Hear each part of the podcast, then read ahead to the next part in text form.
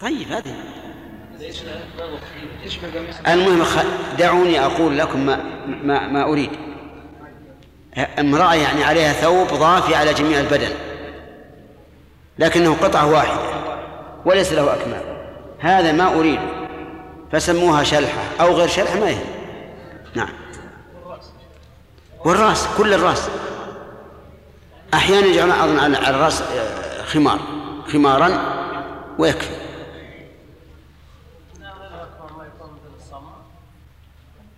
لا.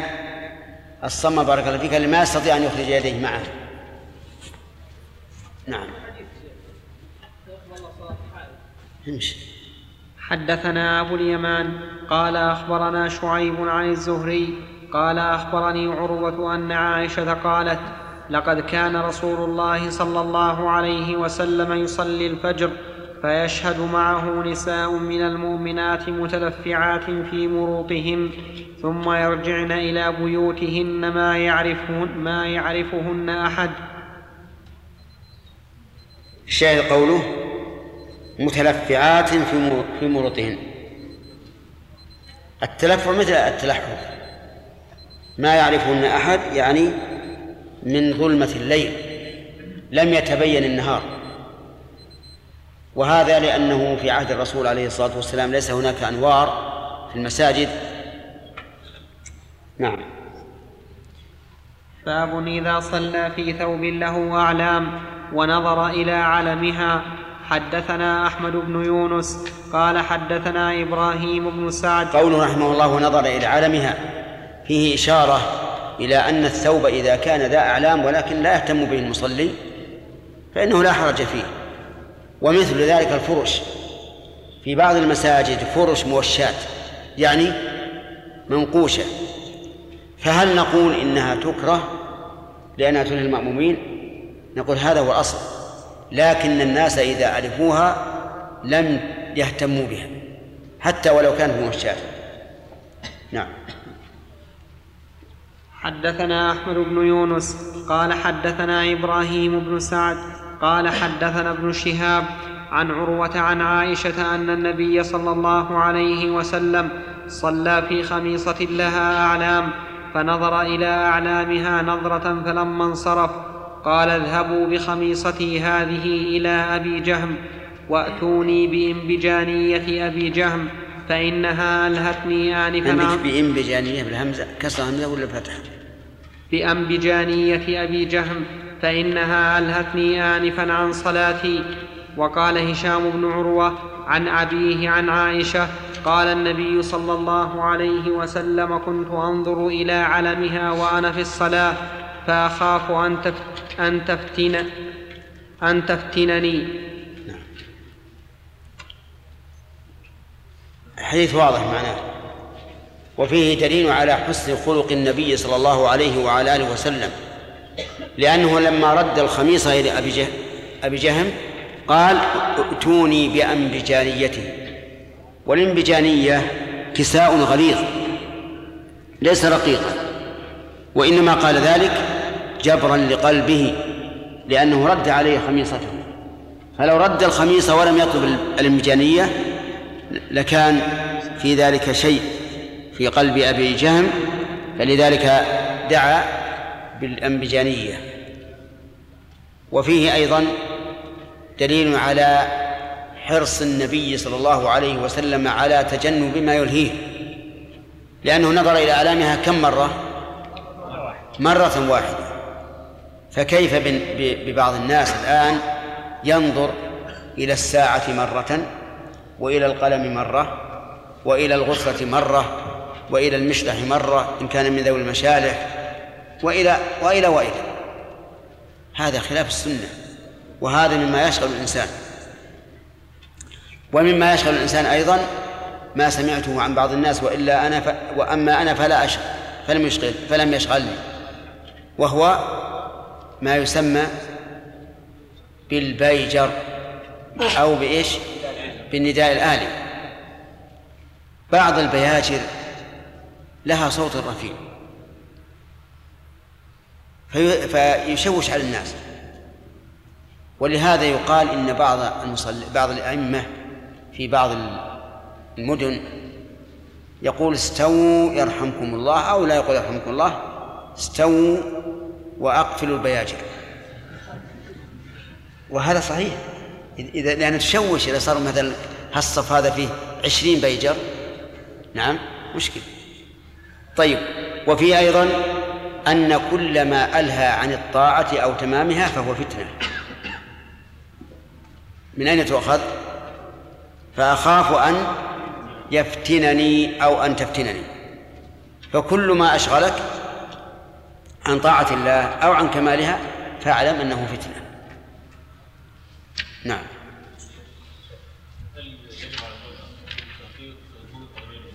إيش؟ التنقيط آه. ظهور القدمين فيها خلاف. من رأى أن القدمين عورة ألزمها بذلك ومن رأى أنها ليس بعورة لم لم يلزمها بتغطيته. وهذا الثاني هو قول شيخ الإسلام ابن تيمية. نعم.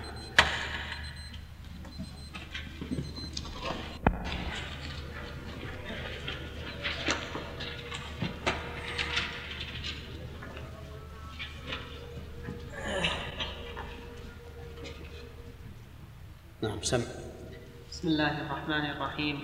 الحمد لله رب العالمين وصلى الله وسلم على نبينا محمد وعلى وعلى آله وصحبه أجمعين. قال الإمام البخاري رحمه الله تعالى في كتاب في أبواب الصلاة من في أبواب الصلاة في الثياب من صحيحه. باب إن صلى في ثوب مصلب أو تصاوير هل تفسد صلاته وما ينهى عن ذلك؟ حدثنا أبو معمر عن عبد الله بن حدثنا أبو معمر قال حدثنا عبد الله بن عمرو قال حدثنا عبد الوارث قال حدثنا عبد العزيز بن صهيب عن أنس قال كان قرام لعائشة كان قرام لعائشة سترت به جانب بيتها فقال النبي صلى الله عليه وسلم أميقي عنا قرامك هذا؟ فإنه لا تزال تصاويره تعرض في صلاتي نعم. قال قال عبد الرحمن قال. كيف؟ قال حدثنا أبو معمر قال عبد الله بن عمر. عندنا ما في قال هو نفسه أبو معمر عبد الله بن عمرو هو قال قال عبد الله. وقال ذكر قال. اي ما ظن سبق لسان أو نسخه عندك كذا؟ لا ما عندي. باب يقول باب إن صلى في ثوب مصلب أو تصوير. هل تفسد صلاته؟ مصلب يعني فيه صلبان. تصاوير فيه الصور لكن الصور نوعان. صور ذوات الأرواح وهذا مراد البخاري رحمه الله. وصور غير ذوات الأرواح فهذا لا يدخل فيما أراد البخاري لأن صور غير ذوات الأرواح ما هي إلا وشي يعلم به يعلم به وينقش به الثوب. يقول هل تفسد صلاته؟ وأتى في ذلك بالاستفهام ولم يجزم به وذلك لأن العلماء مختلفون في هذا.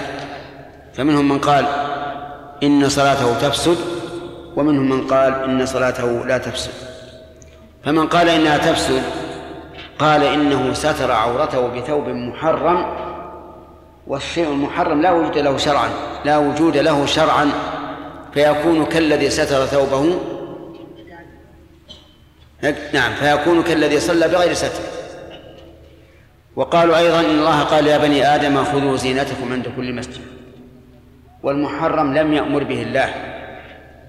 فإذا صلى بثوب محرم فقد عمل عملا ليس عليه أمر الله ورسوله فيكون مردودا. وهذا هو المشهور من المذهب أن من صلى في بثوب محرم فصلاته باطلة. طيب إذا صلى بثوبين أحدهما محرم والثاني مباح. قالوا لا تصح سواء كان المحرم هو الأعلى أو هو الأسفل. وعللوا ذلك بأنه لم يتعين أحدهما ساترا. ما ندري هل يستتر بالأعلى ولا بالأسفل. وفرق بعض العلماء فقال إن كان بالأسفل إن كان التحريم بالثوب في الثوب الأسفل لم تصح صلاته. وإن كان بالأعلى صح لأن الستر تعين بماذا؟ بالأسفل. بدليل أنه لو خلع الأعلى لم تبدو عورته. وقال بعض العلماء في أصل المسألة إنها تصح الصلاة في الثوب المحرم. لأن النهي ليس واردا على الصلاة في الثوب المحرم. النهي وارد على لبس الثوب المحرم. أما لو جاء اللفظ لا تصلوا في الثوب المحرم لكان من صلى بثوب محرم بطل الصلاة لأنه منهي عنه. لكن الثوب المحرم منهي عنه مطلقا سواء في الصلاة أو غير الصلاة. وها وإلى هذا أمين. أي أن من صلى بثوب محرم فهو آثم لاستعماله المحرم ولكنه لا ولكن لا تفسد لا تفسد صلاته ولننظر ولننظر إلى خلاف العلماء الآن. الفتح.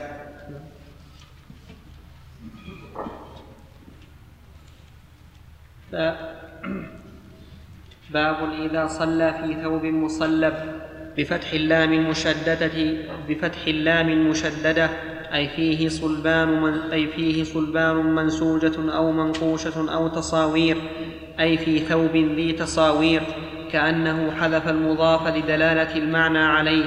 وقال الكرماني هو عطف على ثوب لا على مصلب والتقدير أو صلى في تصاوير. ووقع عند الإسماعيلي أو بتصاوير وهو يرجح الاحتمال الأول وعند أبي نعيم في ثوب مصلب أو مصور. قوله هل تفسد صلاته؟ جرى المصنف على قاعدته في ترك الجزم فيما فيه اختلاف وهذا من المختلف فيه. وهذا مبني على أن النهي هل يقتضي الفساد أم لا. والجمهور إن كان والجمهور إن كان لمعنى في نفسه اقتضاه. وإلا فلا. قوله وما ينهى عن ذلك أي وما ينهى عنه من ذلك. وفي رواية غير وفي رواية غير أبي ذر وما ينهى عنه وما ينهى عن ذلك. وظاهر حديث الباب لا يوفي بجميع ما تضمنته الترجمة إلا بعد التأمل لأن الستر وإن كان ذا تصاوير لكنه لم يلبس ولم يكن مصلبا ولا, ولا لأن الستر وإن كان ذا تصاوير لكنه لم يلبسه ولم يكن مصلبا ولا نهي عن الصلاة فيه صريحا. والجواب أما اولا فإن منع لبسه بطريق الأولى وأما ثانيا فبإلحاق المصلب فبإلحاق المصلب بالمصور لاشتراكهما في أن كلا منهما قد عبد من قد عبد من دون الله تعالى. وأما ثالثا فالأمر بالإزالة مستلزم للنهي عن الاستعمال.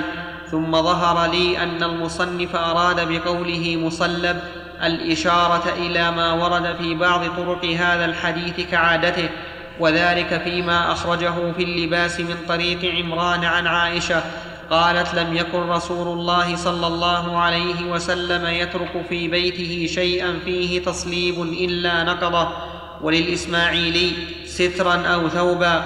قوله عبد الوارث هو ابن سعيد والإسناد كله بصريون.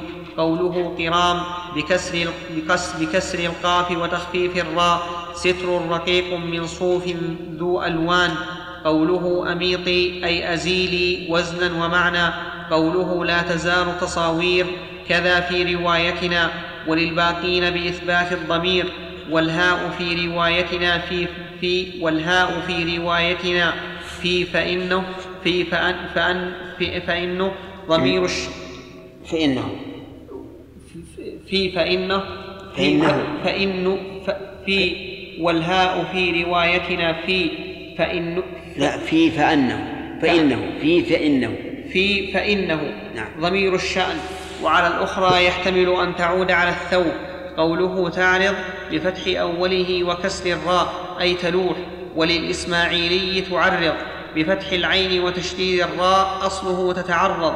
ودل الحديث على أن الصلاة لا تفسد بذلك لأنه صلى الله عليه وسلم لم يقطعها ولم يعدها. وسيأتي في كتاب اللباس بقية الكلام على طرق حديث عائشة. في هذا والتوفيق بين ما ظاهر والتوفيق بين ما ظاهر ما ظاهره الاختلاف بين ما ظاهره الاختلاف منها إن شاء الله تعالى والله أعلم. أحسنت محمد محمود إذا لبس الصبي ثوبا فيه تصاوير فهل يلحق الإثم من من ألبسه إياه؟ أي نعم إذا ألبس ولي الصبي ثوبا فيه تصوير فالإثم على الصبي على الولي لأن الصبي قد رفع عنه القلم. نعم سليم. طبعا مثل من البحث. لماذا من من من لبسها بالاعتقاد وحب شيء هذه يصير اثمها أكثر من اللي يلبسها عاده اللي يلبسها حاجة. التصاوير لا تجوز مطلقا إلا إذا كان هناك حاجة مثل لو لو فرض أنه ليس له ثوب غير غيره لا بأس. لكن أصلا لا يجوز شراء.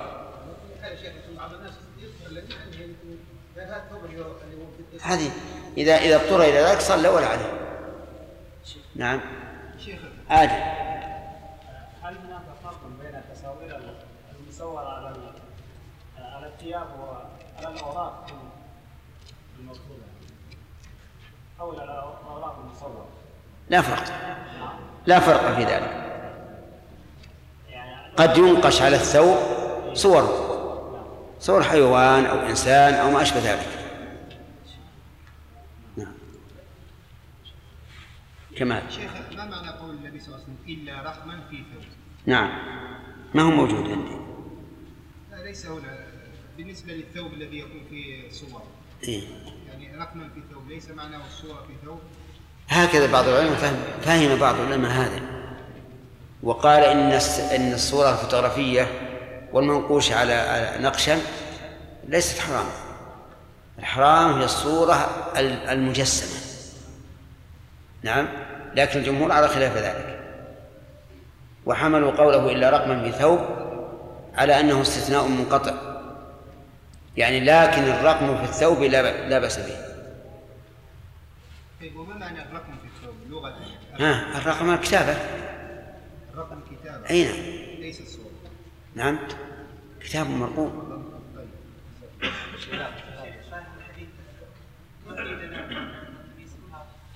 نعم. إيش؟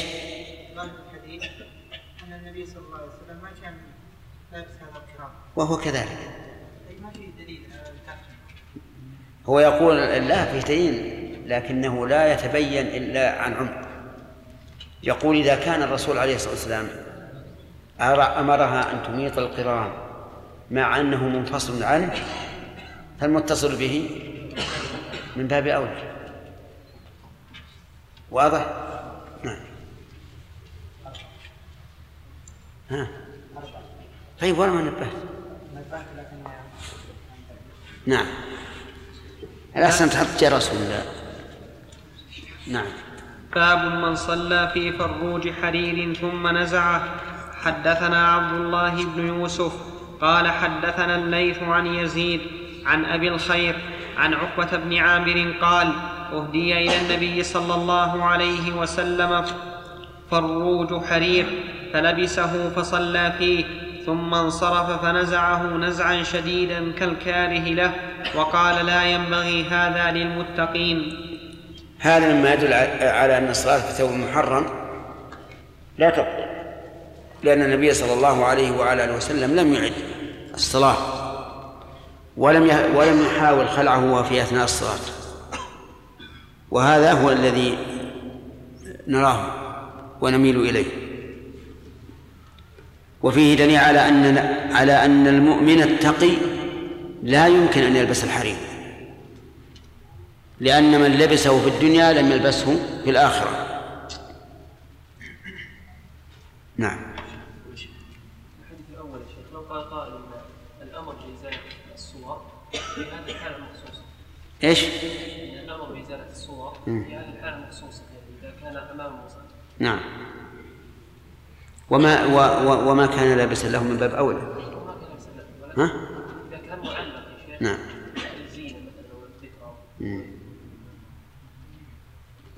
حتى هذا فيه شيء من من تعظيم ال- الصور. تعليق؟ لا شك ان فيه تع- تعظيم للصور. يعني لا مهم من جهة الاستقبال عام.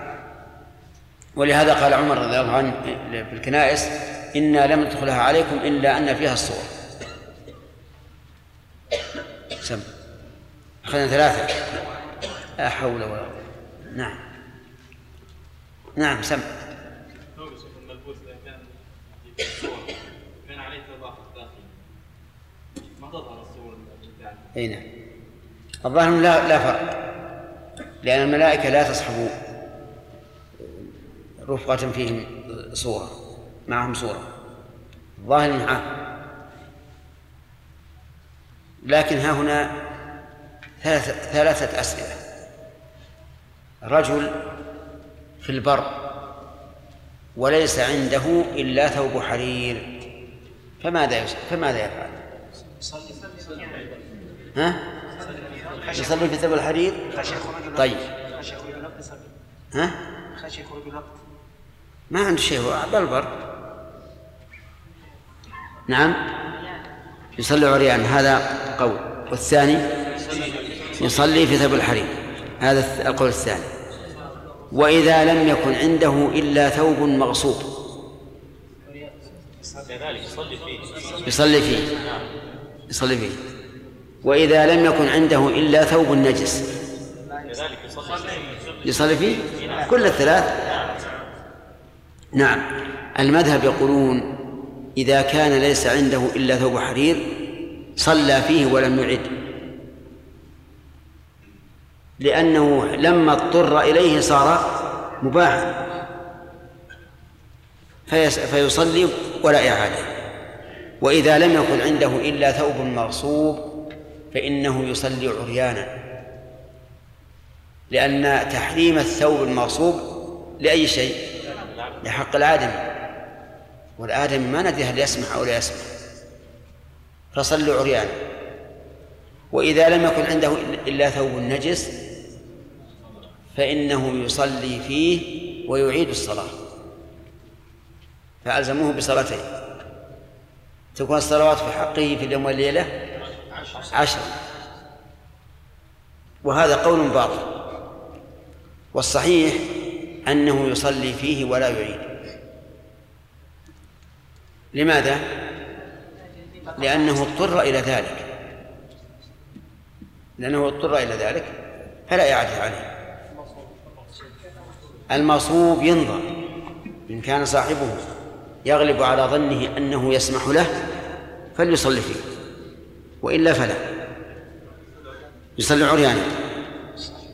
نعم. دمنان بعض الناس يكون قد خرج من إيش؟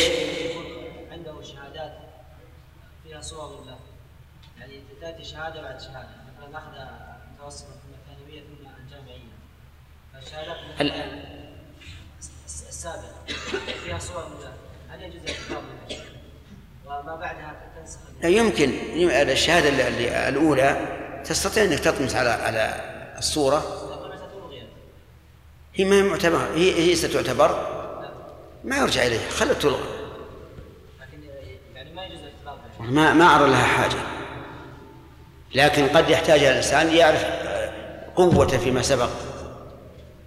وهل هو جيد أو غير جيد. نقول في هذه الحالة اطمس على وجهه وينتهي الموضوع. نعم. ثلاثة. باب الصلاة في الثوب الأحمر. حدثنا محمد بن عرعرة قال حدثني عمر بن أبي زائدة عن عون بن أبي جحيفة عن أبيه قال رأيت رسول الله صلى الله عليه وسلم في قبة حمراء من أدم ورأيت بلالا أخذ وضوء رسول الله صلى الله أخذ ورأيت بلالا أخذ وضوء رسول وضوء. ورأيت بلالا أخذ وضوء رسول الله صلى الله عليه وسلم.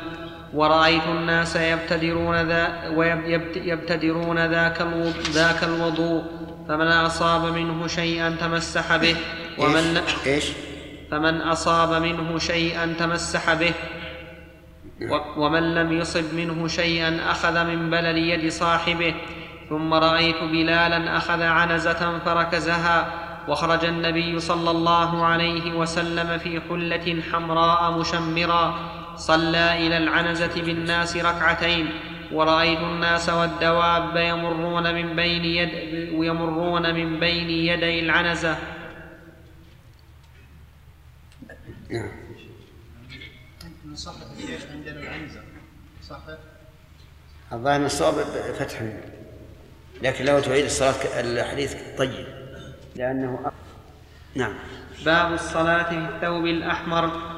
حدثنا محمد بن عرعرة قال حدثني عمر بن أبي زائدة عن عون بن أبي جحيفة عن أبيه قال رأيت رسول الله صلى الله عليه وسلم في قبة حمراء من أدم ورأيت بلالا أخذ وضوء رسول الله صلى الله عليه وسلم ورأيت الناس يبتدرون ذاك الوضوء فمن أصاب منه شيئا تمسح به ومن لم يصب, ومن لم يصب منه شيئا أخذ من بلل يد صاحبه. ثم رأيت بلالا أخذ عنزة فركزها وخرج النبي صلى الله عليه وسلم في حلة حمراء مشمرا. صلى إلى العنزة بالناس ركعتين ورأيت الناس والدواب يمرون من بين يدي العنزة. هذا الحديث كان في في الأبطح في نزول النبي صلى الله عليه وسلم. عام حجة الوداع قبل أن يخرج إلى منى. كان في قبة حمراء من أدم أي من جلود يتظلل بها صلى الله عليه وعلى آله وسلم. وبلال آخذ وضوء رسول الله صلى الله عليه وسلم ف ورأيت الناس وضوءه يعني فضل وضوءه. ورأيت الناس يبتدرون ذلك الوضوء فمن أصاب منه شيء تمسح به تبركا به. ومن لم يصب منه شيئا أخذ من بلل يد صاحبه. ثم رأيت بلالا أخذ عنزة والعنزة هي الرمح في طرفه زج يعني حديدة مدببة. فركزها وخرج النبي صلى الله عليه وسلم في حلة حمراء مشمرا. ففي هذا دليل على جواز الأحمر. بقوله حلة حمراء. لكنه قد ثبت عن النبي صلى الله عليه وعلى آله وسلم النهي عن لبس الأحمر. والجمع بين هذا وبين حديثنا أن أن هذه الحلة حمراء يعني أن أعلامها حمر. كما يقال مثل الشماغ الآن أحمر ولا ولا أبيض؟ أحمر. مع أن فيه بياضا والمنهي عنه هو الأحمر الخالص. وفي قوله في هذا الحديث مشمرا دليل على أن على أن أن تشمير الثوب إذا لم يكن من أجل الصلاة لا بأس به. ولهذا نقول إن تشمير الثوب إذا لم يكن في الصلاة فلا بأس. يعني لو فعله لعمل قبل ثم جاء يصلي فإننا لا نأمره بأن ينزل الثوب.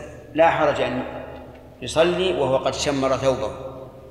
وأما قول النبي صلى الله عليه وسلم أمرت أن أسجد على سبعة أعظم وأن لا أكف شعرا ولا ثوبا فالمراد أن لا أكفه في حال الصلاة يعني عند السجود ما أرفعه خليه يبقى.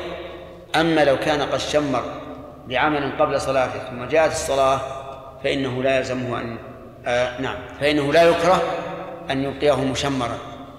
ومثل ذلك أيضا آه كف الكم. إذا كان لعمل قبل الصلاة كما يكون في العمال ونحوهم فلا بأس أن يصلي وقد كف ثم وقد كف كمه. وأما إذا كفه للصلاة فإن هذا لا ينبغي. وفي هذا الحديث أيضا دليل استحباب الصلاة إلى إلى السترة. لأن النبي صلى الله عليه وسلم فعل فركزت العنزة وصلى ركعتين. وفي فيها دليل على القصر في الصلاة على قصر المسافر المقيم.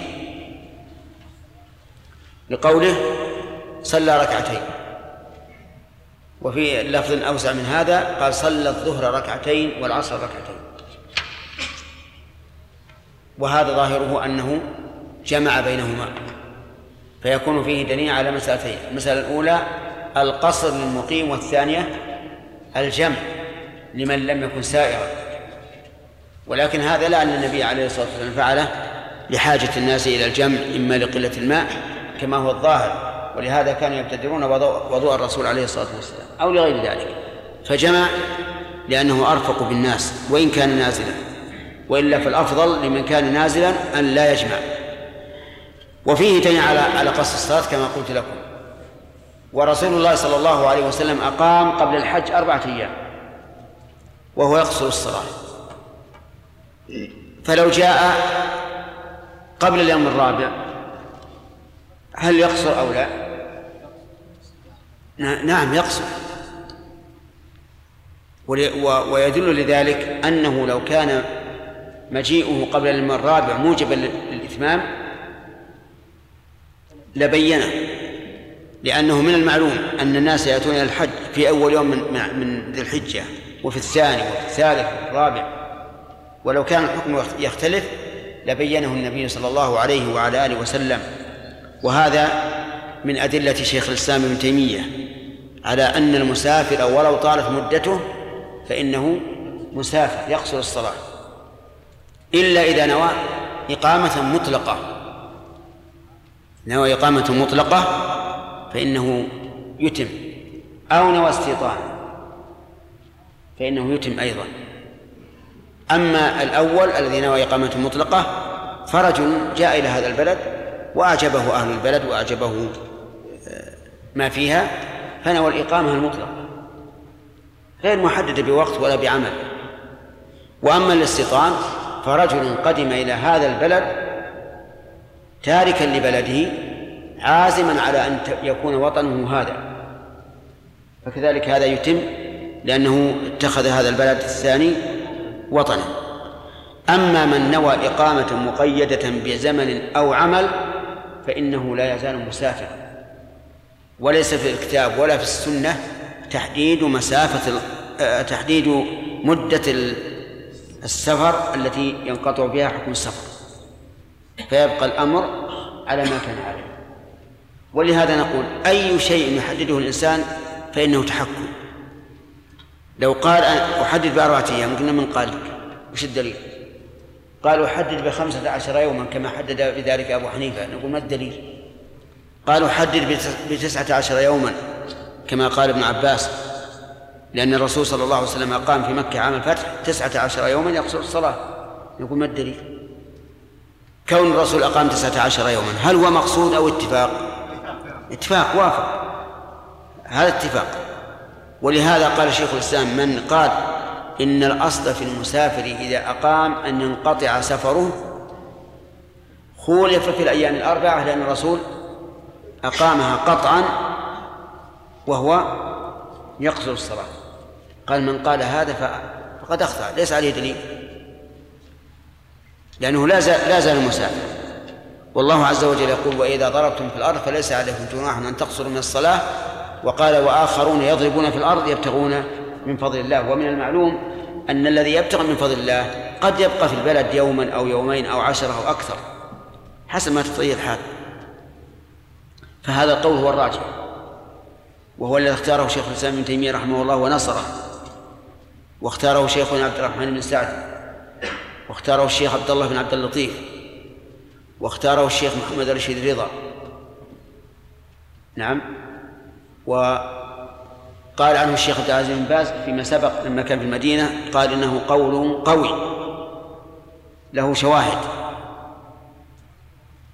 لكنه في الأخير ذهب إلى قول الجمهور من أصحاب الإمام أحمد رحمه الله. وعلى كل حال الحق وحق يتبع. ومن كان في نفسه شيء من ذلك فالأمر واسع. يتم. ولا أحد يقول له لماذا أتممت. لكن كلام على الجواز. إلا أننا نرى أنه في مسألة الصيام لا يؤخر الصوم إلى رمضان الثاني لأنه ربما تتكاثر عليه الشهور فيعجز. ولأن تأكد القصر في السفر أبلغ من تأكد الإفطار في السفر. الإفطار في السفر والصوم على حد سواء بل ينظر الإنسان ما هو أفضل ما هو أريح له. لكن القصر ليس مع الإتمام على حد سواء بل القصر إما واجب وإما سنة مؤكدة.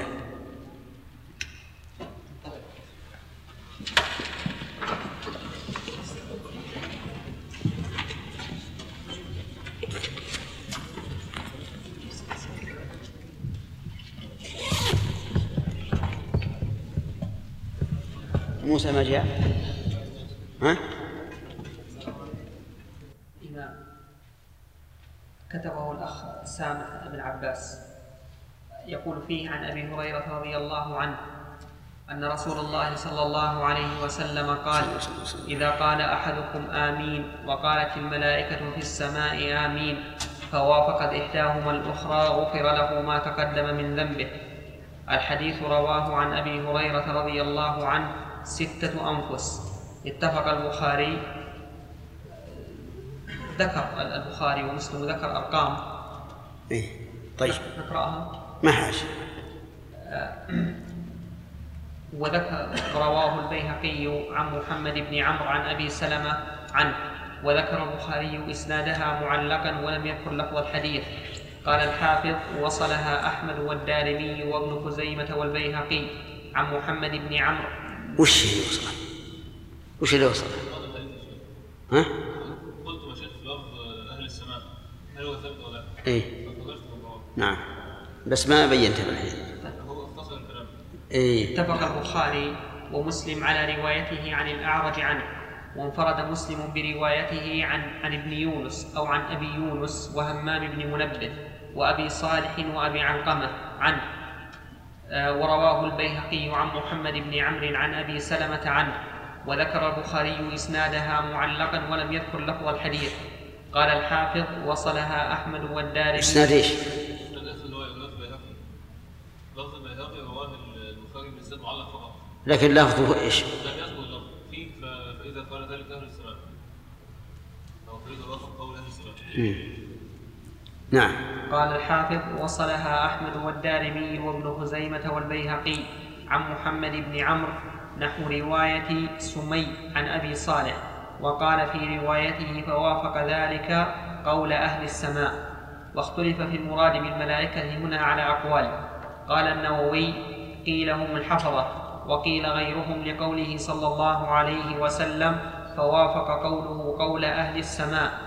وأجاب الأولون عنه بأنه إذا قالها الحاضرون من الحفظة قالها من فوقهم حتى ينتهي إلى أهل السماء. قال ابن علان في الفتوحات وهذا الجواب يحتاج إلى سند يشهد له.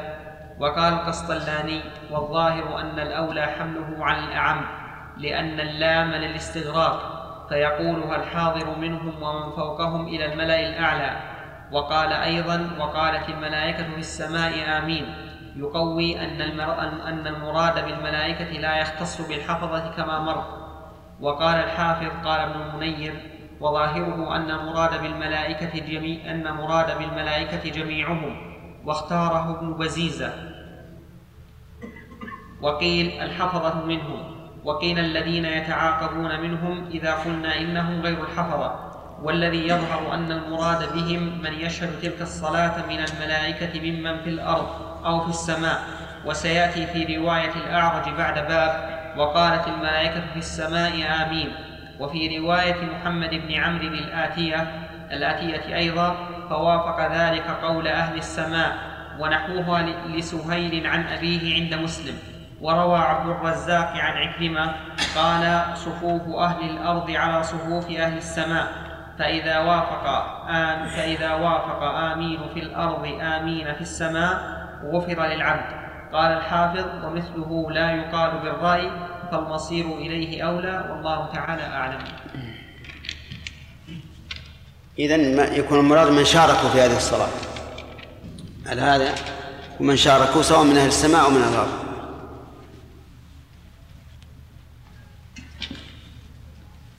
أحسن بارك الله فيك. جيد.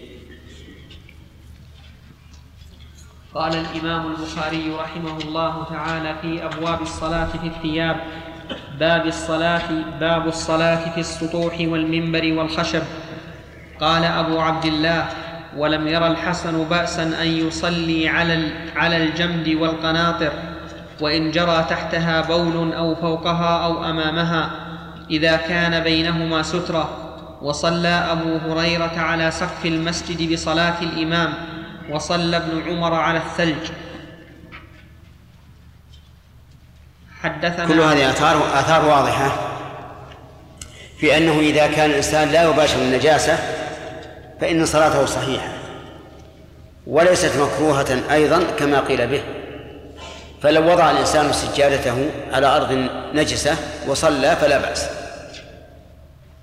لأن ما يباشره طاهر وليس مكروها أيضا خلافا لمن قال إنه يكره لاعتماده على ما لا تصح الصلاة عليه يقال إنه لم يمس ما لا تصح الصلاة عليه. وكذلك الصلاة في السطوح هذا القول هو الصحيح أيضا. وذهب بعض العلماء إلى أن الصلاة في السطوح إذا كان تحتها مارة أي قارعة أي قارعة طريق فإنها لا تصح. والصواب الصحة وكذلك الصلاة على المنبر وهذه ثبتت عن النبي صلى الله عليه وسلم أنه صلى على المنبر فكان إذا أراد السجود ينزل فيسجد على الأرض. وإذا قدر أن المنبر واسع يتسع للسجود عليه فلا حاجة للنزول. والخشب يصلى عليه أيضا كسرير الخشب ما لم يكن أرجوحة فإن كان أرجوحة فإنها لا تصح الصلاة عليه والأرجوحة هي عبارة عن خشبة تكون في المنتصف مشدودة في مسمار أو شبهه تتارجح يمينا وشمالا. هذه قالوا لا يصح الصلاة عليها وذلك لأنه لأنها غير مستقرة. وأنس بن مالك رضي الله عنه يقول كنا نصلي مع النبي صلى الله عليه وسلم في شدة الحر فإذا لم يستطع أحدنا أن يمكن جبهته من الأرض بسط ثوبه, ثوبه فسجد عليه فدل هذا على أنه لا بد من التمكين. فإن قال قائل وهل تصح الصلاة في الطائرة؟ قلنا نعم ولا شك لأنها مستقرة. وهي وإن كانت على الهواء لكنها مستقرة. الإنسان يمكن جبهته من من سطح الطائرة. وقال أبو عبد الله لم يرى حسن بأسا أن يصلي على الجند والقناطر يعني الجسور وإن جرى تحتها بول أو فوقها أو أو أمامها. إذا كان بينهما سترة يعني إذا كان بينهما ما يمنع مباشرة النجاسة. وصلى أبو هريرة على سقف المسجد بصلاة الإمام. فدل ذلك على أن من كان في المسجد لا يشترط أن يرى الإمام. يصح اقتداء به وإن لم يره. لكن بشرط إمكان المتابعة بأن يكون يسمع الصوت. ومثل ذلك أيضا أن يصلي في الخلوة في الأسفل في القبو والإمام فوق. فإن الصلاة جائزة. إذا كان يمكنه المتابعة. أما ما كان خارج المسجد فإنها لا فإنه لا يصح أن يصلي بصلاة الإمام. وذلك لاختلاف المكان. والمقصود بالجماعة الاجتماع في المكان والزمان والأفعال. ولهذا أمر الإنسان أن يتابع. إذا كبر فكبروا وإذا ركع فاركعوا. وكيف يمكن أن يكون أن تكون جماعة خارج المسجد أو واحد خارج المسجد تابعا لإمام في المسجد؟ ولو أننا فتحنا هذا الباب لقال القائل إذن نصلي على الراديو. بصلاة المسجد الحرام أو بصلاة المسجد النبوي لأنه يمكننا المتابعة وإذا كان في التلفاز أمكننا المتابعة والمشاهدة وحينئذ إذا أمرناه أن نصلي مع الجماعة قال لا أنا أصلي مع إمام أكثر منكم جماعة وفي مكان أفضل من مكانكم. واليوم أصلي معه صلاة العشاء وغدا أصلي معه صلاة الجمعة.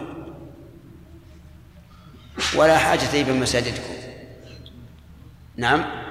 والعجيب أن رجلا أنه ألف في هذا.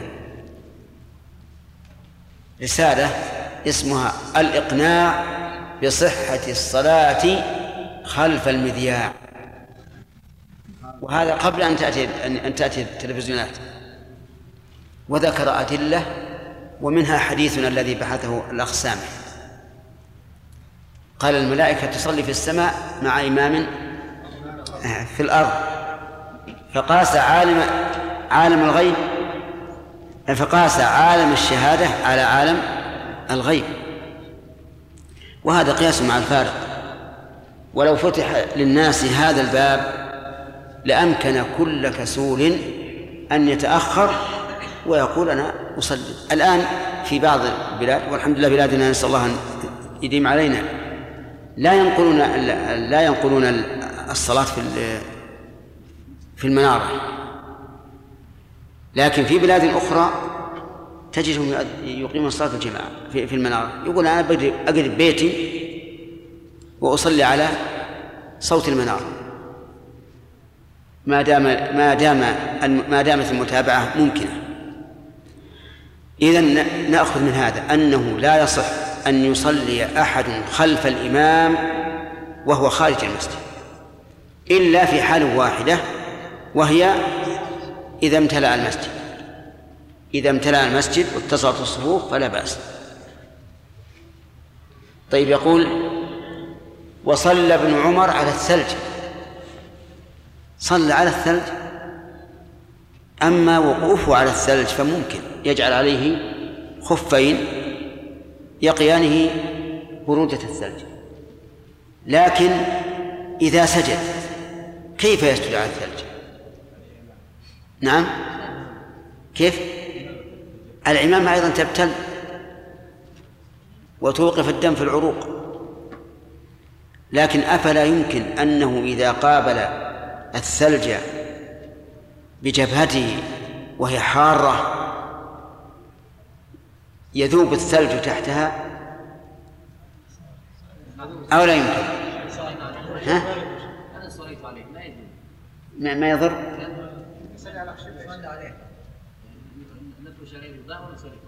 ولا ولا يبتلى الرداء.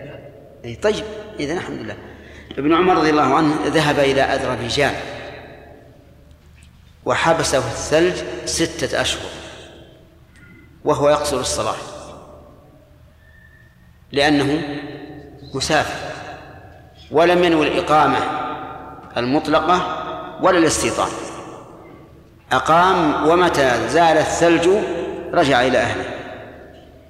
نعم. ما أخذنا حديث آثار.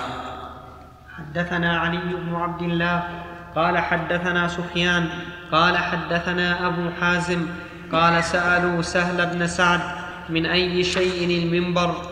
فقال ما بقي بالناس أعلم مني هو من أث هو من أثل الغابة. عمله فلان مولى فلانة لرسول الله صلى الله عليه وسلم وقام عليه رسول الله صلى الله عليه وسلم حين عمل ووضع فاستقبل القبلة كبر, كبر وقام الناس خلفه فقرأ وركع وركع الناس خلفه ثم رفع رأسه ثم رجع القهقرى فسجد على الأرض ثم عاد إلى المنبر ثم ركع ثم رفع رأسه ثم رجع القهقرى حتى سجد بالأرض. فهذا شأنه. قال أبو عبد الله قال علي بن عبد الله سألني أحمد بن حنبل رحمه الله عن هذا الحديث. قال فإنما أردت أن النبي صلى الله عليه وسلم كان أعلى من الناس فلا بأس أن يكون الإمام أعلى من الناس بهذا الحديث. قال فقلت إن سفيان بن عيينة كان يسأل عن هذا كثيرا فلم تسمعه منه. قال لا. هذا الشاهد منه أن الرسول صلى الله عليه وسلم صلى على الخشب. لكن لضيق درج المنبر لا يتمكن أن يسجد عليه. فكان صلى الله عليه وعلى آله وسلم يقوم ويركع ويرفع وهو على المنبر ثم يرجع القهقرة فيسجد على الأرض. وقال لهم إنما فعلت هذا لتأتموا بي ولتعلموا صلاتي. ووقع في حادثة ووقع في حادثة المنبر هذه آية عظيمة للرسول صلى الله عليه وسلم وهي أنه كان يخطب إلى جذع نخلة في المسجد النبوي. ولما خطب على المنبر أول أول جمعة صار لهذا الجذع حنين كحنين العشاء. يعني الإبل لفقد مقام النبي صلى الله عليه وسلم عنده حتى نزل الرسول عليه الصلاة والسلام وسكته. سكته كما تسكت المرأة طفلها فسكت. وفي هذا دليل على أن الصحابة كانوا ينظرون إلى النبي صلى الله عليه وعلى آله وسلم حين صلاته وانتقالاته لقوله إنما فعلت هذا لتأتموا بي ولتعلموا صلاتي. وهذا هو الظاهر. فهل يقال إن غيره من الأئمة كهو أو يقال إنه لا ليس كالنبي صلى الله عليه وعلى آله وسلم لأن النبي صلى الله عليه وعلى آله وسلم يقتدى به وأفعاله كلها تشريع بخلاف غيره. فنقول إن توقف النظر إلى الإمام إن توقفت متابعة الإمام على النظر إليه فلينظر إليه. مثل أن يكون الرجل أصم لا يسمع التكبير. ولا يمكن أن يتابع الإمام إلا بالنظر فلينظر وإلا فالأفضل أن لا ينظر إليه. واستدل بعض العلماء من إخواننا المعاصرين على أن التكبيرات تكبيرات الانتقال سواء لا يفترق بعضها عن بعض. قال لأنه لو كان يفرق بين التكبيرات لكان الناس يعلمون ذلك بدون أن يصعد على المنبر. فقيل له إن صعود الرسول صلى الله عليه وسلم صلى الله عليه وعلى آله وسلم على المنبر ليأتموا به هذه واحدة وليتعلموا صلاته. فقال نعم ولولا أن للائتمام به أثرا ما ذكره عليه الصلاة والسلام. والذي عندي في هذه المسألة أن الإمام لا يفرق بين التكبيرات وأن هذا هو السنة لأنه لو كان يفرق لنقل. وغاية ما رأيت من كلام العلماء أنهم قالوا ينبغي أن يطيل التكبير إذا هوى من القيام إلى السجود أو إذا رفع من السجود إلى القيام وذلك لطول الفصل بينهما. ومع هذا ففي النفس من هذا شيء. والذي نرى أن التكبيرات سواء. بعض الناس يقول هذا لا يريح لا يريح المأمومين.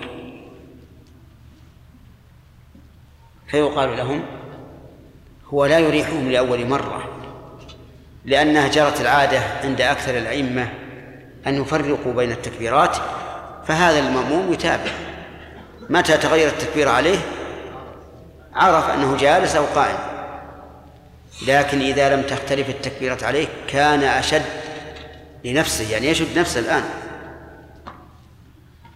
لئلا لئلا يقوم في محل الجلوس أو يجلس في محل القيام فيعتب الناس عليه. وإذا تمر الناس سهل عليه.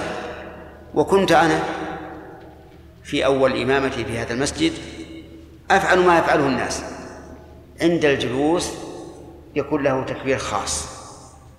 ثم نبهني بعض الأخوة الذين جاءوا من المدينة زارني وقال لي لماذا تفعل هذا الشيء؟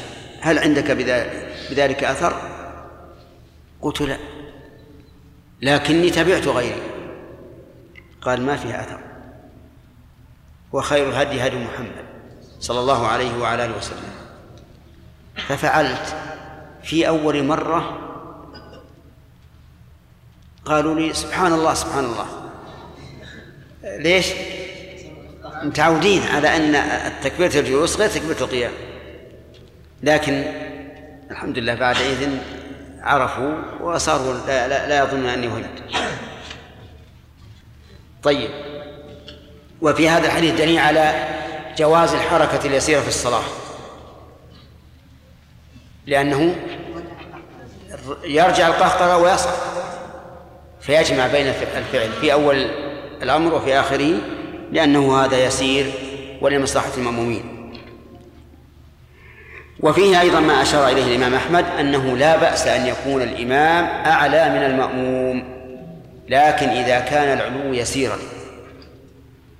أما إذا كان العلو كثيرا فإنه يكره إلا أن يكون مع الإمام أحد من المأمومين.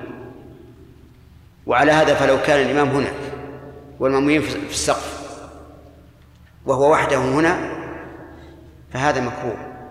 أما إذا كان معه أحد فليس بالمكروه لأن غاية ما فيه أن الجماعة تفرقت بعضها فوق وبعضها تحت على أنه لا ينبغي أن يتفرق الجماعة. كلما كان كلما كانوا في محيط واحد فهو أفضل. بل إن الأفضل أن يدنو أن يدنو كل صف مما ف... مما أمامه حتى يكونوا جمعا واحدا. ويحصل في أيام الشتاء نزاع بين الناس.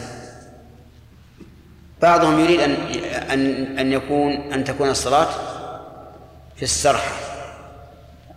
أي في رحمة في رحبة المسجد لأن فيها شمسا. وبعضهم يقول لا نتقدم. ثم يحصل النزاع. ففي أيهما فبأيهما يقتدى؟ نعم. يقال الأمر واسع. من أراد الصلاة في في الشمس فليصلي ومن أراد في الظلال فل ولكننا نختار أن الإمام يكون في الظلال. ومن شاء أن يصلي معهم في الظلال فليصلي ومن لم يشاء فليصلي في الشمس. لماذا؟ لأن بعض الناس إذا قام في الشمس تصيبه الدوخة. ويحصل منه إما سقوط وإما تقيؤ وإما غير ذلك. لا سيما فيما إذا كان الوقت حارا بعض الشيء. والواجب على الإمام أن يراعي المأمومين ويقتد ويقتدي بأضعافهم نعم. انتهى الوقت؟ عندك سؤال؟ طيب. شيخ نأخذ من هذه الآثار أنه جواز جواز الصلاة الصلاة على سطح الحشوش. الحش. نعم. ما لم يكن الحش في بناية مستقلة. فإن كان في بناية مستقلة فهو فهو يشبه الحمام أو شر منه وقد ورد النهي عن الصلاة في الحمام أما إذا كان ليس مستقلا مثل أن يكون سطح المسجد واحدا وفي جانب منه هذه المراحيض فلا بأس أن يصلي فوقها شيخ الآن ما في في تقوية الإمام في الصلاة ما في ما فهمت رأيتهم يعني مثلا نحن الآن خلف الإمام يمكننا أن نراه بدون أن نلتفت يمينا وشمالا فهل نراه أو نرى إلى موضع السجود فهمت؟ هذه كيف الجواب؟ قلنا أما الرسول عليه الصلاة والسلام فالصحابة كانوا ينظرون إليه لكن هل يلحق به غيره؟ أو يقول هم لا ينظرون الرسول لأنه مشرع فينظرون ماذا يفعل. قلنا الأظهر أن هذا خاص بالرسول عليه الصلاة والسلام لأنه مشرع. اللهم إلا أن يكون إماما أص... المأموم أصم لا يقتدي به إلا برؤيته فهذا شيء آخر.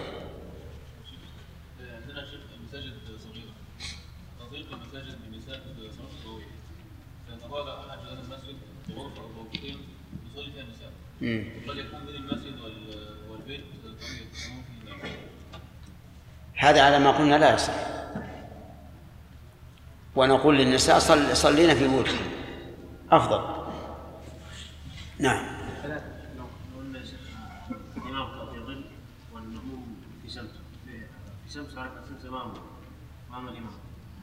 أي ما لا يصح.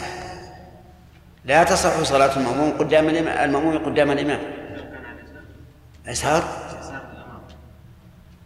لأمامه. أي مو على حذائه ولو كان يساره أو يم- أو أو يمينه. نعم. سليم. سليم سليم أخطأت. نعم. وهو. لأن الإنسان يصير عالم بالسنة إيه. ما يحتاج يناظر الإمام لو إن الإمام عال- عالم ولا شيخ من المشايخ. ما الإمام لكن يصير جاهل هو يفهم من نفس اللي جاهل ما ما يعرف حركات الصلاة ولا يعرف هذا وش وش يصير؟ هذه ربما نقول لا بأس أنك تنظر للإمام بشرط أن لا يقول للإمام أنا أسوي كذا مثلك. هو مقصود المقصد إيه. المهم إذا كان جاهل وينتفع بهذا لا بأس. ما أدخل بعد الصلاة؟ بعد نبيك بعد الصلاة.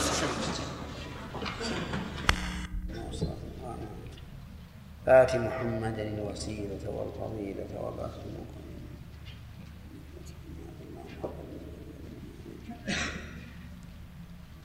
فهد بعد الصلاة.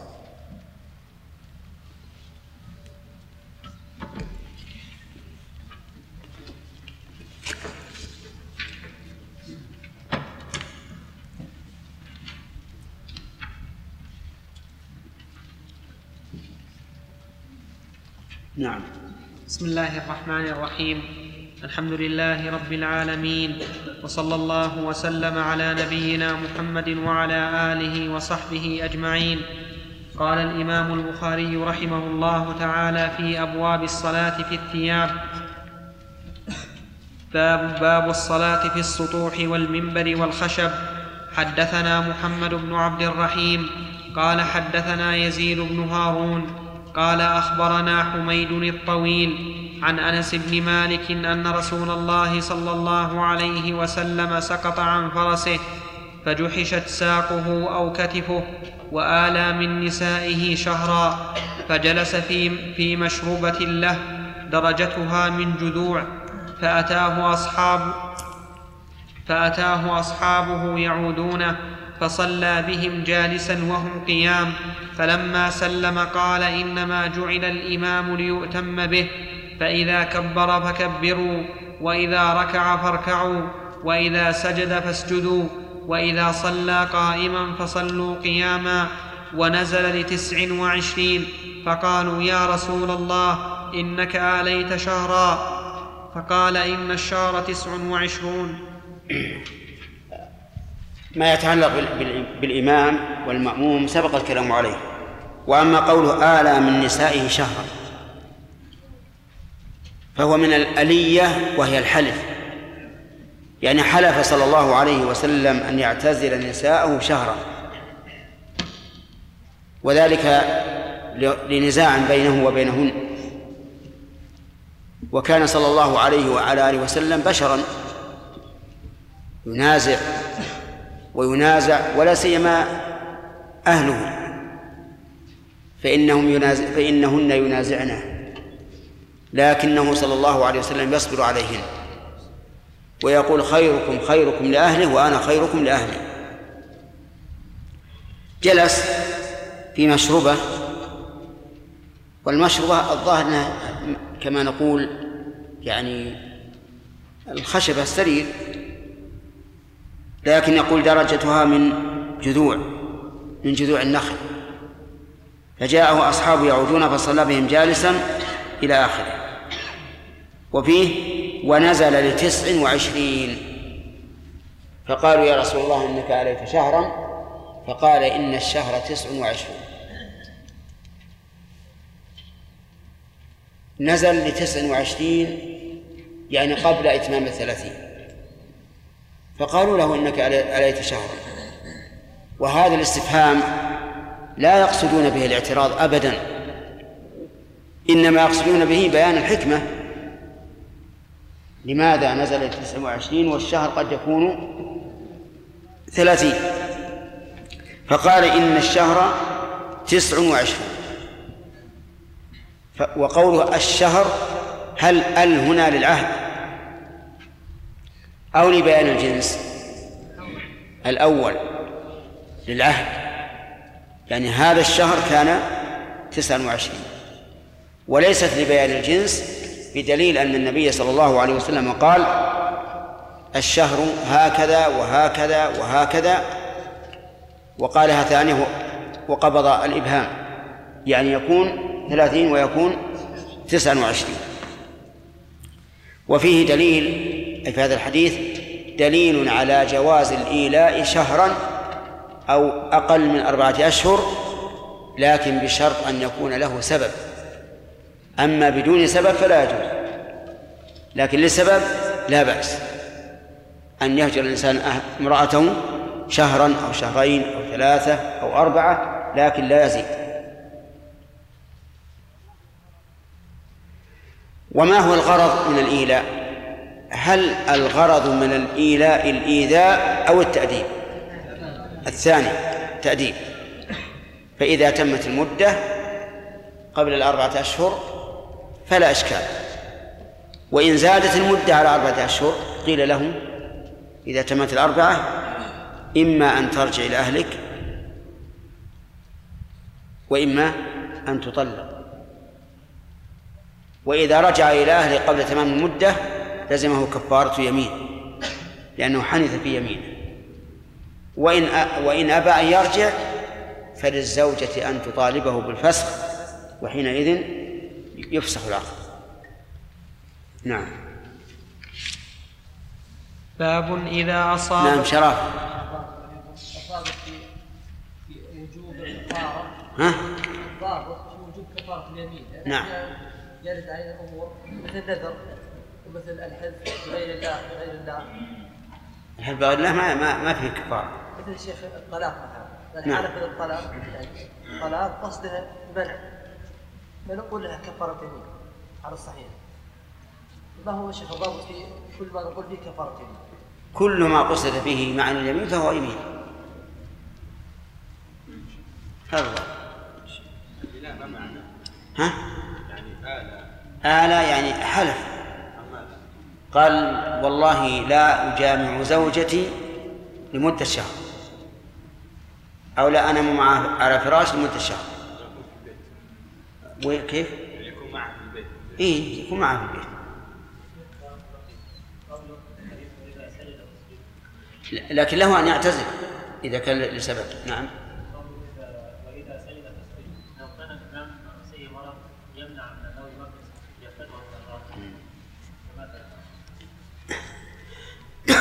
هذه مسألة. يعني يقول لو كان الإمام عاجزا عن السجود فهل المأموم مثله؟ نقول لا تسجد على الأرض لأن إمامك عاجز. كما قلنا في القيام يحتمل يحتمل هذا لأننا نقول إن عموم قوله إنما جعل ما ليؤتم به يشمل هذا. فلو كان الإمام يصلي بنا ولكنه لا يسجد على الأرض وإنما يومي إيماء فهل نحن نومي إيماء؟ قد نقول نعم. وقد نقول إن العلة التي ذكرها النبي صلى الله عليه وعلى آله وسلم تمنع الإلحاق وهي القيام عليه كما تقوم الأعاجم الفرس والروم وهذا لا لا لا يتأتى فيها لا تتأتى في هذه العلة فيمتنع القياس ولكن يبقى النظر هل يجوز أن يأتم بمن لا يستطيع أن يركع ويسجد؟ يرى بعض العلماء أنه لا يجوز وأنه إنما إنما استثني القيام لورود النص به وما عدا ذلك فلا يجوز أن يأتم القادر بالعاجز عن أي ركن من أركان الصلاة. إذن لدينا الآن ثلاث احتمالات. الأول يا عبد الله أول يعني يكون لهم يتابعوا الاحتمال الأول نعم يعني أنهم إذا كان يومي يؤمنون. إذا كان يوم يوم نعم. وما الذي يرد على هذا؟ يرد على هذا يعني لو أراد الإنسان يقيس هذه المسألة على القيام.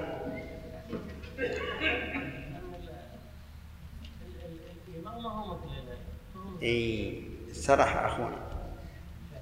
أسرحت؟ شوف يا منصور أنت المسؤول عنه. أنت اللي اقترحت قبل قليل أن يكون هو النائب فلا بد انتبه له.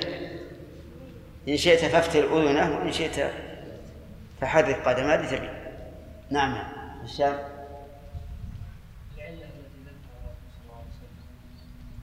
الأعاجم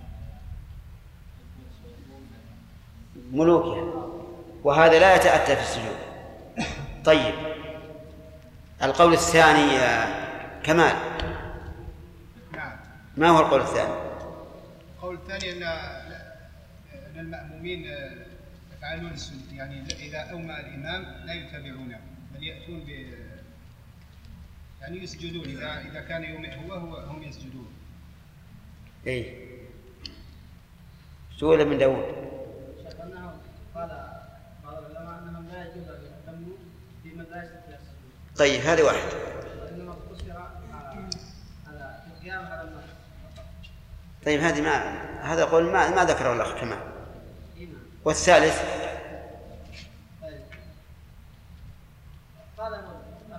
من؟ من الأخ؟ من الأخ؟ عبد الله انه يتابع عبد الله إيش؟ وش عبد الله اصبر اصبر سنة وقال وش عبد الله الاخ عبد الله جار مطيري؟ ما قال هو اكمل له الاخ اللي هناك هشام طيب. عندنا ثلاث احتمالات يا إخوان. القول الأول الاحتمال الأول وهو المذهب أنه لا يصح أن يأتموا به اطلاقا. القول الثاني يأتم الاحتمال الثاني ما هو قول؟ ما أدري هو قول أو احتمال. الاحتمال الثاني أن يأتموا به ويتابعوه في الإيمان. فهذا ال- الاحتمال غير صحيح. وعرفتم أنه لا يصح على على القيام.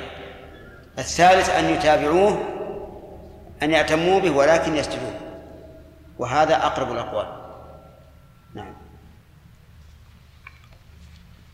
باب إذا أصاب ثوب المصلي امرأته إذا سجد.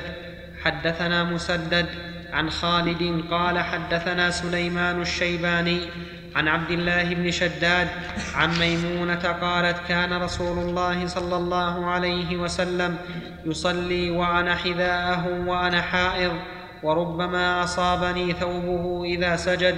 قالت وكان يصلي على الخمرة. نعم. ما في إشكال باب الصلاة على الحصير. وصلى جابر وأبو سعيد في السفينة قائما. وقال الحسن قائما ما لم تشق على أصحابك تدور معها وإلا فقاعدا. إيش؟ عندنا يصلي قائما. كيف؟ قال الحسن يصلي قائما.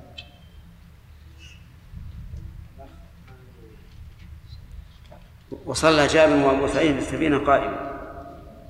وقال الحسن قائما. إيه لا بأس. يمكن فيها نسخة. يمكن نسخة ولا ما يضر. نعم. حد. إذا استفدنا أنه يجوز أن يصلي في السفينة لكن قائما وهذا في الفريضة. أما النافلة فيصلي قاعدا ولا حرج لأنه مسافر. ويقول الحسن تدور معها. تدور معها يعني إلى القبلة. وكذلك في الطائرة. تدور معها إلى القبلة. وإلا يعني إن عجز فقاعدا لأن بعض الناس ما يتحمل أن يقف قائما والسفينة تمشي في البحر يخشى أن يسقط فيصلي قاعدا. نعم. حد حدثنا حدثنا عبد الله قال أخبرنا مالك عن إسحاق عن إسحاق بن عبد الله بن أبي طلحة عن أنس بن مالك أن جدته مليكة دعت رسول الله صلى الله عليه وسلم لطعام صنعته له فأكل منه ثم قال قوموا فلاصل لكم. قال أنس فقمت إلى حصير لنا قد اسود من طول ما لبس فنضحته بماء فقام رسول الله صلى الله عليه وسلم وصففت أنا واليتيم وراءه والعجوز من ورائنا. فصلى لنا رسول الله صلى الله عليه وسلم ركعتين ثم انصرف. في هذا دليل على جواز مصافحة الصبي.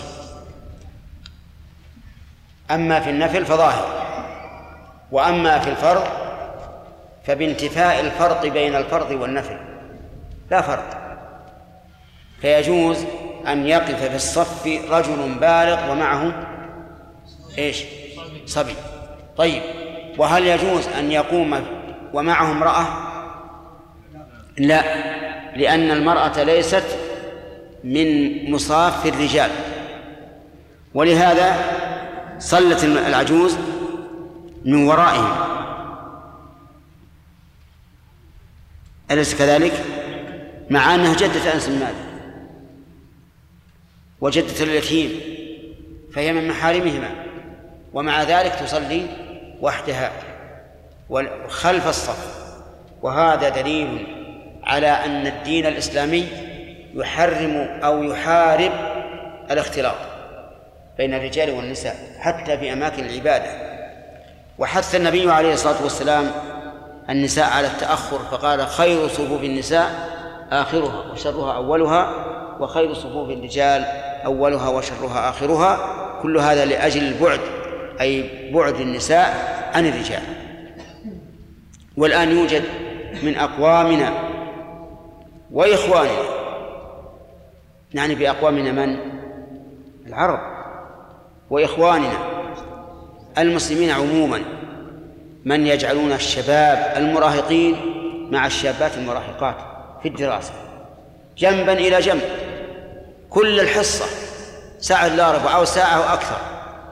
وهو إلى جنبها وحرارة فخذه وحرارة فخذها تلتقيان والعياذ بالله وربما يكون على المرأة لباس غير ساتر أيضا محنة. وكأن الأمر شراب بارد في صيف حار. ألذ على على نفوسهم من هذا. ويجب على طلبة العلم أن يمنع أن يحاربوا هذا الشيء وأن يكتبوا في الصحف ويتكلموا في المساجد وفي المجالس بأن هذا حرام ولا يحل. وأنه إن دعت الضرورة إلى اتفاق النساء والرجال في المواد فلتجعل النساء في غرف خاصة وتنقل إليهم عبر الميكروفون أو عبر الشاشة. المحاضرات ويكون لهن باب آخر غير مدخل الرجال. مع أننا لا نرى إطلاقا أن تتساوى مناهج النساء والرجال. لأن من مناهج الرجال ما لا تحتاج إليه النساء ومن مناهج النساء ما لا يحتاج إليه الرجال. أو تكون حاجتهم أقل. ما ف... ه... كيف ندرس المرأة الهندسة؟ خليها غدا تتابع المقاولين في الأسواق لتقيس المسافات والهندسة و... إيش الفائدة من هذا؟ نعم الجغرافيا وش الفائدة من الجغرافيا؟ وغير ذلك لكن مع الأسف ضعف الشخصية في المسلمين أدت إلى أن يقتدوا بمن؟ بالكفار لأن ها لأن هذه عادة الأضعف يقتدي بالأقوى والشخصية الإسلامية مع الأسف معدومة معدومة لكن الحركات الآن المستقبلية في الشباب نرجو الله سبحانه وتعالى أن يكتب لها النجاح. وبعض الحكومات تركب رأسها. إذا قيل هذا حرام قال فيه هذا هذا أصولي لاحقوا انتبهوا له. والأصول عندهم هو المخرب. وكذبوا على عليه. الأصوليون حقا هم أبعد الناس عن التخريب. لا شك. ثم ما معنى كلمة أصول؟ في ظني والعلم عند الله أنها كلمة واردة من من الكفرة لئلا يقولوا هذا إسلامي إذ أن الكفار يخافون من الإسلام. يخافون منه. وحق لهم أن يخافوا لو كان الإسلام حقيقي والله يدمر عروشهم. لكن غثاء كغثاء السيل فهذه الأحاديث وأمثالها تدل على إيش؟ على أن الشرع له نظر في بعد النساء عن الرجال لعظم الفتنة. ثم سبحان الله العظيم. ليتها ليته شيخ كبير وعجوز كبيرا كان أهون. لكن شاب مراهق وفتاة مراهقة. سبحان الله. أعظم من هذه الفتنة نسأل الله العافية. ثم سمعت أنه يقعد إلى جنبها في الكرسي. صحيح هذا؟ صحيح إلى جنبها في الكرسي. نعم ما هي بعيدة والأخوان يؤكدون هذا. صحيح صحيح. نعم. ها؟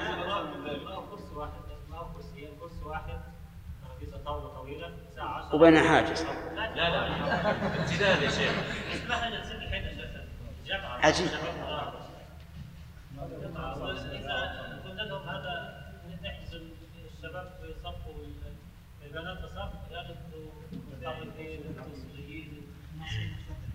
نعم. كيف مسان صدر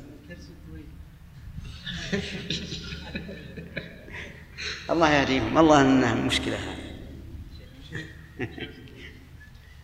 نعم هل يستفاد من الحديث انه الانسان اذا مدير الصف كان يقدر يصلي خلف الصف؟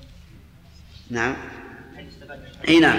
هذا أيضا حديث استدل به الشيخ الإسلام رحمه الله على جواز صلاة المنفرد خلف الصف إذا لم يجد مكانا. ووجه الدلالة أنه لما لم يكن للمرأة مكان مع الرجال شرعا مو حسا لأن المكان واسع. كان كان كذلك من لم يجد مكانا أي لأنه ليس له مكان حسي وهو استدلال لطيف ما هو حكم الدراسة في الجامعات المختلطة؟ والله إذا أمكن أن تعيش المرأة بدونها أو الرجل بدونها فليفعل. وإذا لم يمكن فالواجب أن يتحرز من الجلوس إلى المرأة وأن يغض الطرف وأن يكون هذا كالمكره كما أن الآن ندخل السوق وفيه النساء متبرجات ويزاحمن الرجال. بل في الطواف في المسجد الحرام. فالشيء الذي لا بد منه يجب على الإنسان أن يحترز من الوقوع في المحرم ويعفو الله عنه.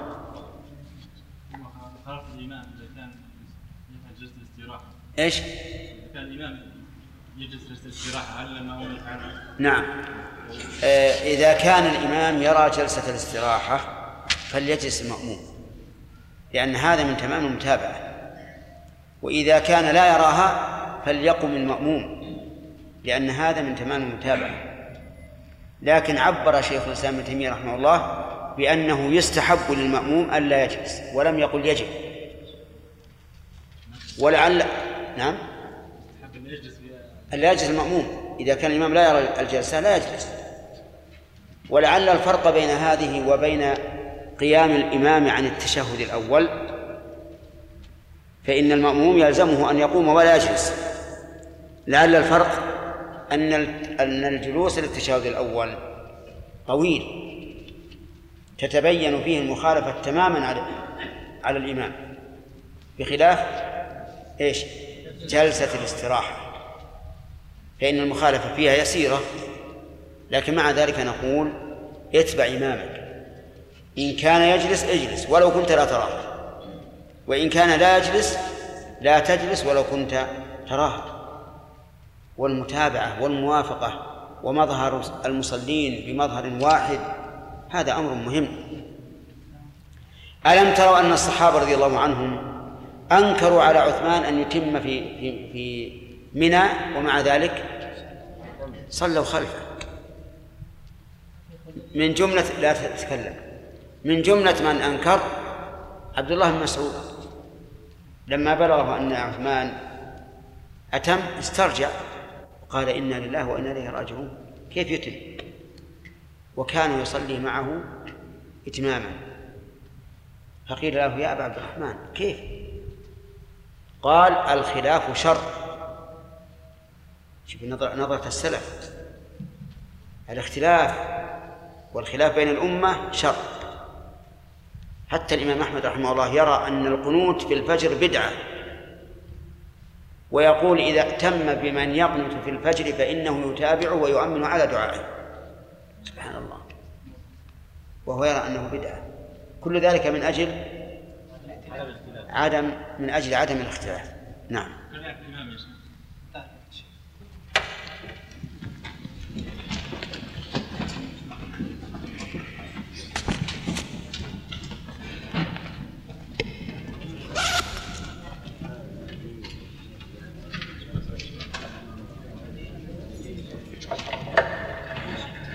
اللهم لا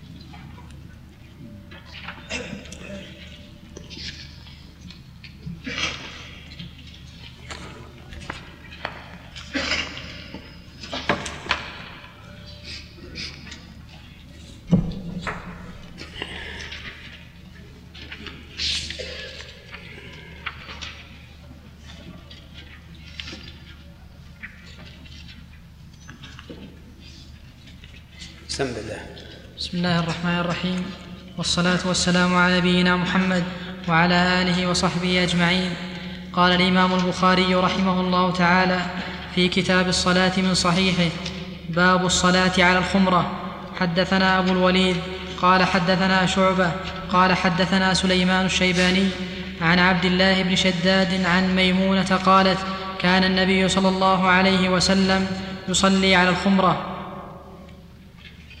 بسم الله الرحمن الرحيم. سبق لنا أن الخمرة هي قدر ما يغطي به الإنسان وجهه.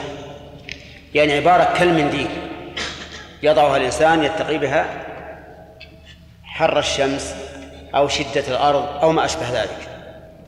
وسبق لنا أنه أن الفقهاء رحمهم الله قالوا يكره أن يخص جبهته بما يسجد عليه لئلا يشابه بذلك الرافضة. نعم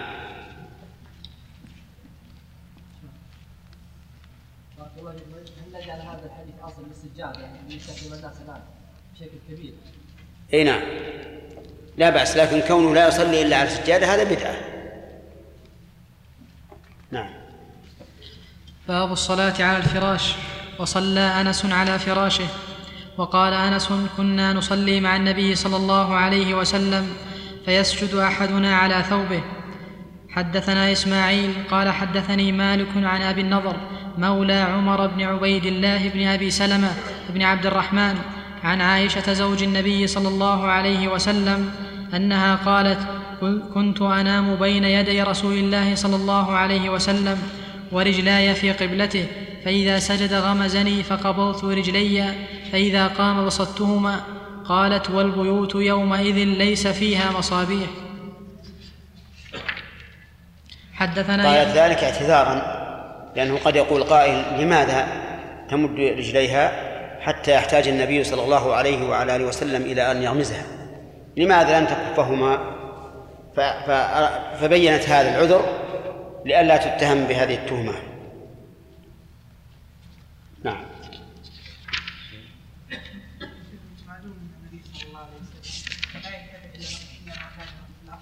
لا إيش؟ لا يتبع النبي صلى الله عليه وسلم الا ما هو الافضل نعم فكيف الفقهاء رحمهم الله يكرهون شيئا فعله النبي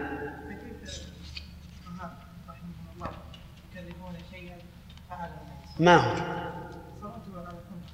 ما كرهوا ما كرهوا الصلاة على الخمر كرهوا أن يخص جبهته بما يسجد عليه. يجعل شيء بقدر الجبهة يسجد عليه. لا الخمر واسعة بعضها إلى تسع اليدين والجبهة والأنف. وبعضها للأنف والجبهة. نعم. الله عنك بالنسبة للخشوع والتذلل لله سبحانه وتعالى بين الأرض وبين بين الفراش ما يت- ما يتناسب. لأن لأن الأرض هذا لتذل الأرض أكثر من صحيح لا بأس. لكن هذا لعله لعذر. والمقصود جواز الصلاة على الفراش. لا أنها هي والأرض سواء. هذا مقصود البخاري رحمه الله. نعم. نعم نعم. الحديث عن النبي عليه الصلاة والسلام يقطع صلاة الرجل المسلم آه، إذا لم يكن بين يديه مثل مقله الرحل المرأة والكلب والحمار. نعم. وهنا في الحديث عائشة رضي الله عنها كانت في قبلة النبي عليه الصلاة والسلام. نعم. ليست مارة. هي ليست مارة ولكنها نائمة. وفرق بين المرور وبين النوم. نعم. حدثنا يحيى بن بكير قال حدثنا الليث عن عقيل عن ابن شهاب قال أخبرني عروة أن عائشة اخبرته أن رسول الله صلى الله عليه وسلم كان يصلي وهي بينه وبين القبلة على فراش أهله ي- على فراش على فراش أهله اعتراض الجنازة. حدثنا عبد الله بن يوسف قال حدثنا الليث عن يزيد عن عراك عن عروة أن النبي صلى الله عليه وسلم كان